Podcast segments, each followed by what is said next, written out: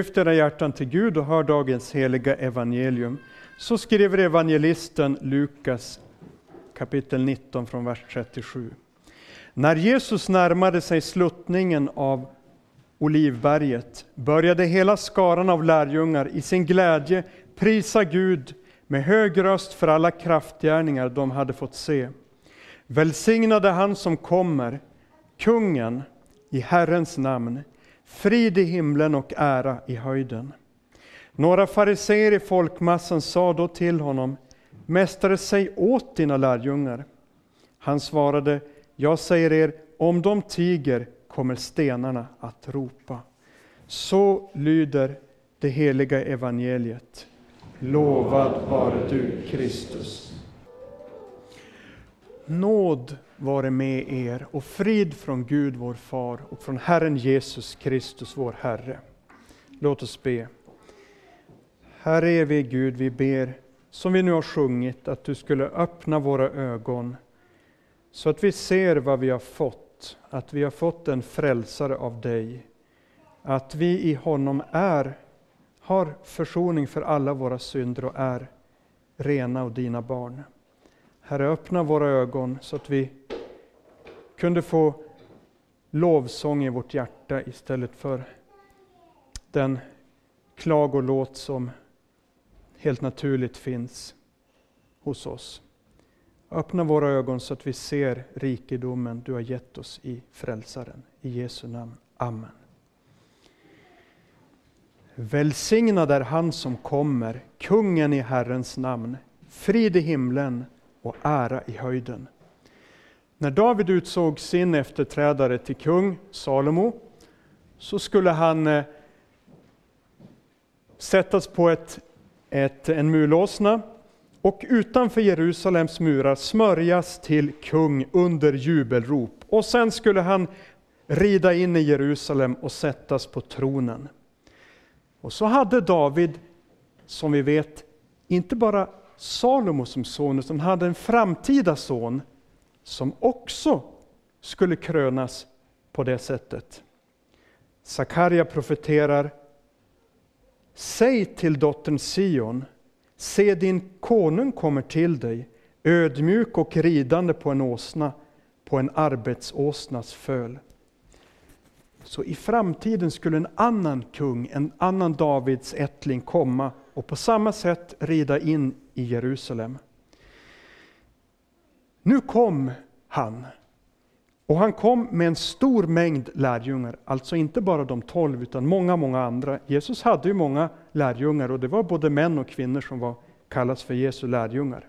Det var bara tolv apostlar, men det var många andra som var lärjungar.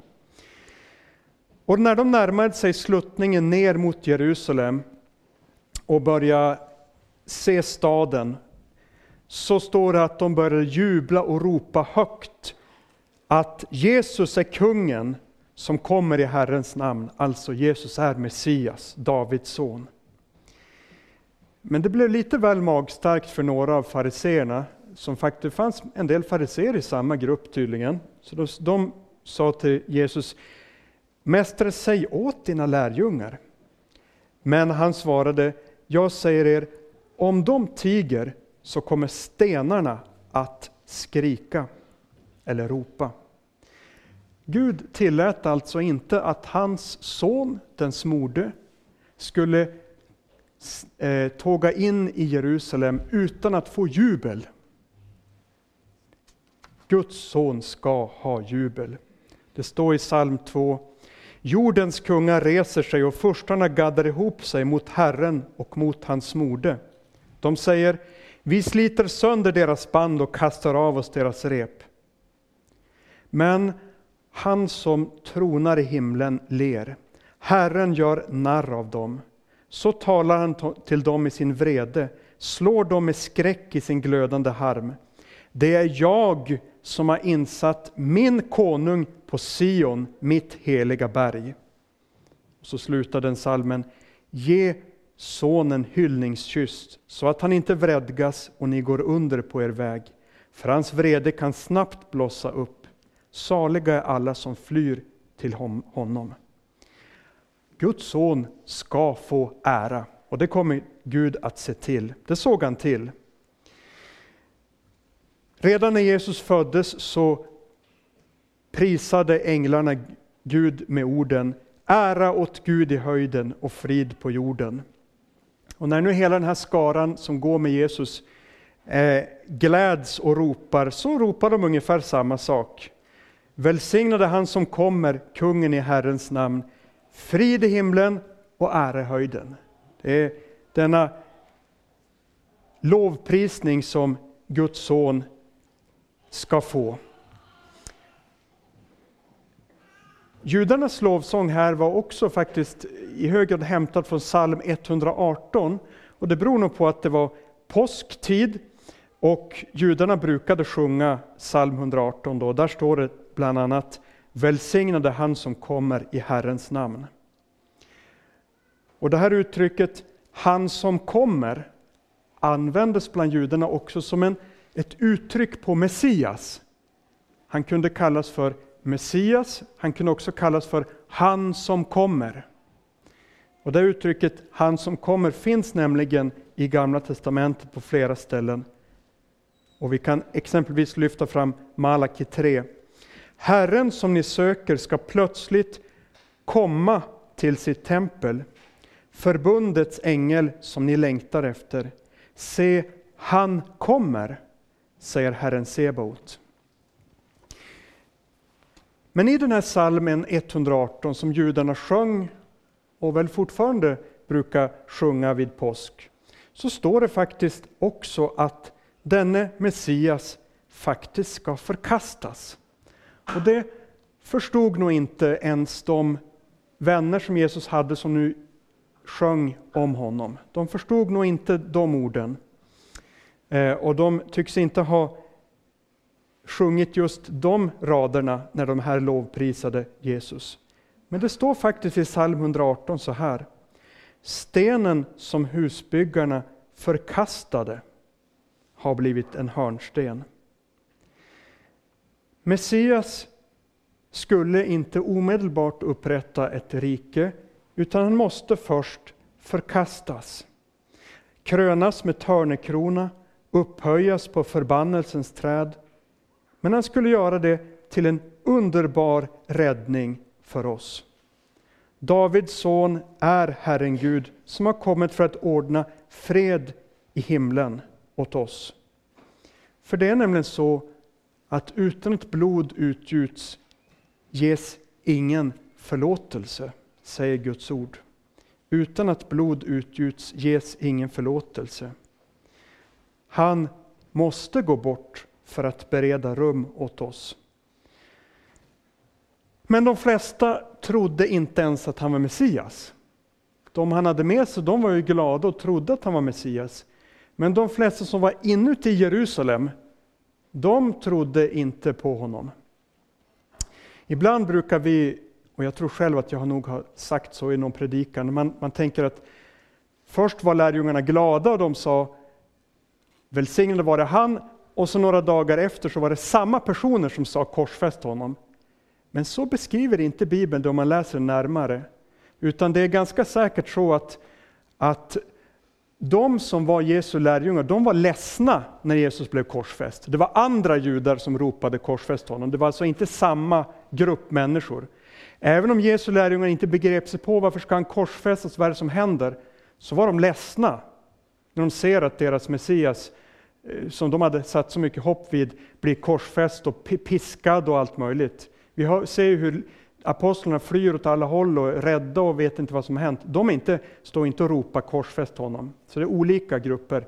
Och de flesta i Jerusalem, de tillhörde de som inte tog Messias, eller Jesus, betraktade honom som sin Messias. Eh, det var alltså inte bara fariséerna och översteprästerna utan många andra judar eh, trodde inte heller på honom. Eh, och kunde därför ganska lätt låta sig börja sjunga kors, eller ropa korsfäst honom. För det står så här, att när Jesus kom närmare och såg staden Jerusalem så grät han över den och sa tänk om du idag hade förstått också du vad som ger dig frid eller fred. Men nu är det dolt för dina ögon. Dagar ska drabba dig då dina fiender bygger en belägringsvall runt dig och omringar och pressar dig från alla håll. De ska slå dig och dina barn i dig till marken och inte lämna sten på sten i dig, därför att du inte förstod den tid då Herren besökte dig. Nästan samma sak hade profeten Jeremia sagt och gråtit till eh, Jerusalems folk. Men de hade inte heller trott. De hade inte heller brytt sig om honom.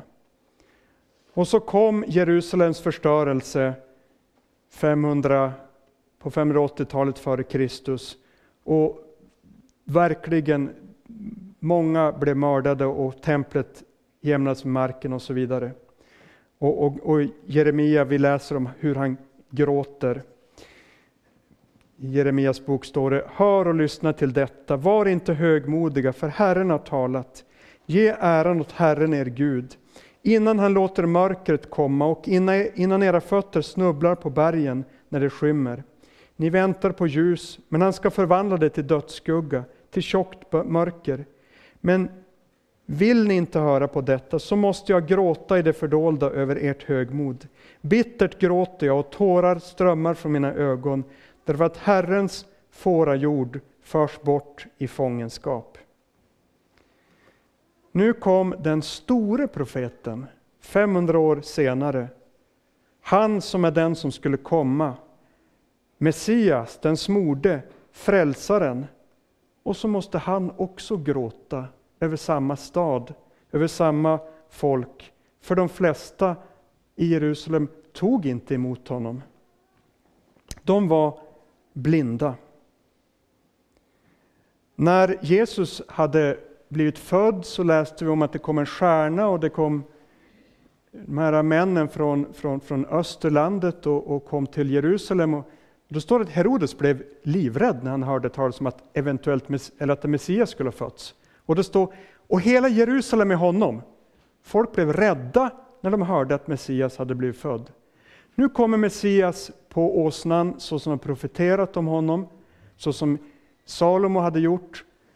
Men det står att det blev uppståndelse i Jerusalem och orden kan förstås som att folk blev skakade, inte glada. Utan det kan förstås som att de blev, reagerade ungefär som på Herodes tid. De blev oroliga. Vad är det här för någonting? Så det måste inte förstås som att de blev tacksamma där inne i staden och glada. Utan att de frågar, vem är det här? Så när Jesus nu red in i Jerusalem så var det inte så att han red till ett folk som välkomnade honom med öppna armar och som förde honom fram till kungatronen. Inte desto mindre, som vi har sagt, så kunde inte Gud tillåta att hans älskade son, Davids son, den smorde, den utlovade, skulle få rida in i kungastaden helt utan hyllningsrop. Det gick inte för sig. Allt är skapat genom Sonen och till Sonen och hela skapelsen är skyldig honom ära. Det går inte att hindra Gud från att Sonen ska få hyllning. Så om inte de som är skapade till Sonens avbild skulle hylla honom, så kommer till slut åtminstone stenarna att börja ropa. Men hyllning ska han få. Något annat går inte. Gud ger sin älskade son hyllning. Det står i psalm 96. Himlen ska glädjas och jorden fröjda sig. Havet ska brusa med allt som fyller det. Marken ska jubla med allt som den bär. Skogens alla träd ska ropa av fröjd inför Herren, för han kommer. Han kommer för att döma jorden, han ska döma världen med rättfärdighet och folken med sin trofasthet. Gud har inte bara låtit Jesus komma, han har också, sedan han blev korsfäst för våra synders skull, så har han uppväckt honom från de döda som ett bevis på att Jesus Kristus verkligen är Guds son. Och ve då oss om vi förkastar denna frälsare.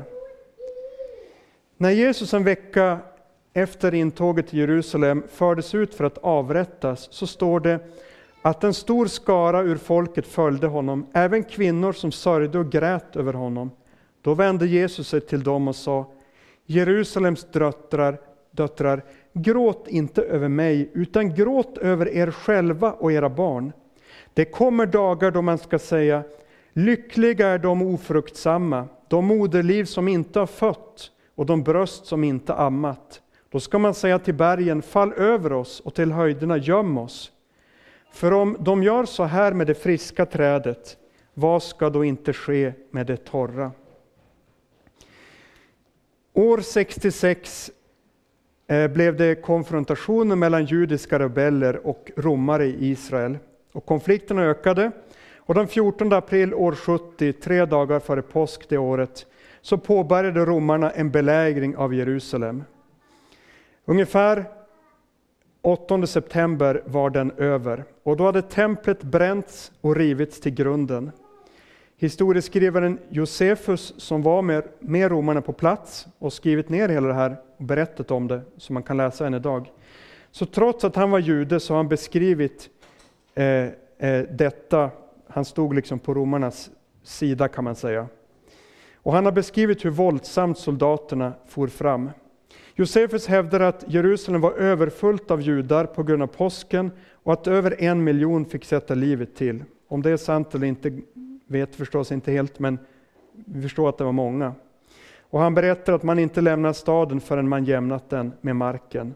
Templet var förstört. Man kan än idag åka till tempelplatsen och se hur vissa av tempelstenarna ligger än idag kastade eh, utför södra muren. Men det finns fortfarande klippblock kvar från, från templet, men templet är helt borta. Och ändå är det värre än så, för Jesus talar också om ett evigt straff för den som, eh, som inte tar emot frälsaren som kan rädda oss från vår synd. Allt detta får vi läsa för att inte vi också ska missa vad som ger oss fred gentemot Gud, frid hos Gud. Den Messias som red in i Jerusalem, han ordnade verkligen med en evig rening för din och min synd genom att ge sitt liv i vårt ställe. Och därför får vi, ja vi kallas att jubla. Vi får vara med honom, vara hans barn av ren nåd och jubla och tacka Gud. Vi får fly till sonen istället för att eh, hålla oss borta från honom och inte tro att han är Guds Messias. Så är det faktiskt så när vi firar nattvard att då, varje gång vi firar nattvard här på friden så upprepar vi vad lärjungarna sjöng på, på väg där in i Jerusalem. De sjöng ju eh, Hosianna i höjden. Vi brukar sjunga Giv salighet i höjden. Men det är ett citat från eh, eh, psalm 118. Det är exakt samma ord som, som, som eh, lärjungarna sjöng till Jesus. Hosianna i höjden, välsignad vare han som kommer i Herrens namn, giv salighet av höjden. Så när vi, vi får det här tvärt emot vad människorna gjorde i Jerusalem som inte ville ha honom, så får vi ta emot honom och prisa honom när han kommer till oss i, i nattvarden. Han kommer till oss med sin nåd. Det var ju därför han kom till Jerusalem också, även om de inte ville ta emot honom. Han kom till dem och han kommer till oss med frid i himlen. Ser jag på mig själv, min oandlighet, min ogudaktighet, då väcks ingen lovsång inom mig. Då vill jag helst bara gömma mig för Gud. Jag blir skygg. Men ser jag på vad, vad Gud har gjort för mig genom Kristus, att Gud faktiskt sänt sin son som har dött till försoning för min synd, uppstått till min rättfärdiggörelse, iklätt mig Kristus i dopet, ger mig Jesu Kristi kropp och blod i nattvarden. Ja, ser jag på det, då ser jag Guds godhet försoning, att han har gett mig en Messias som ordnat frid i höjden åt mig. Och då kan jag få känna mig trygg och tacka Gud. Ser jag på mig så kan jag endast bäva, för jag med synd och skuld belastad är. Men ser jag på dig kan det all fruktan häva, för du Guds lamm ju mina synder bär. Ser jag på mig, jag måste frukta döden, för dödens udd jag i mitt hjärta bär. Men ser jag på dig, då är jag ur den nöden, för i din död mig segern given är. Den här underliga konsten för kristna att man ser sina, sitt kött, sina begär i sitt inre och blir rädd och tänker det här är ju ett tecken på att jag inte är ett Guds barn. Och så kallas vi att lyfta blicken istället och se vad Gud har gett oss i Kristus, vad han ger oss. Att Gud har sonat dina synder. Att du har blivit döpt i hans namn in i Kristus. Att du får ta emot Jesu Kristi kropp och blod i nattvarden. Och då därifrån får du hämta frälsningsvisshet. Du får liksom äta frälsningsvisshet. Ser du på dig själv så blir du förtvivlad. Jag vet inte om jag är ett Guds barn, jag vet inte om jag är född på nytt. Det här verkar inte alls stämma. Lyft blicken, se på eh, Jesus. Se på vad han har gjort för dig. Eh, det är där du får, eh, får hämta frälsningsvisshet. Vad du känner, ser och tycker, o det väges aldrig här. Fastän mycket här dig trycker är du friköpt som du är. Börja med att honom lova, glöm så dina män och ack. För en så outsägligt stor gåva kan du gärna säga tack. Eller se något mera på Jesus och glöm vad du varit och är. Konungen är din frälsningskonung. Han har kommit för dig. Han har gjort dig salig. Han har sonat din synd, döpt dig. Se något mera på Jesus och glöm vad du varit och är. Där får vi ha trygghet och lovsång. Amen.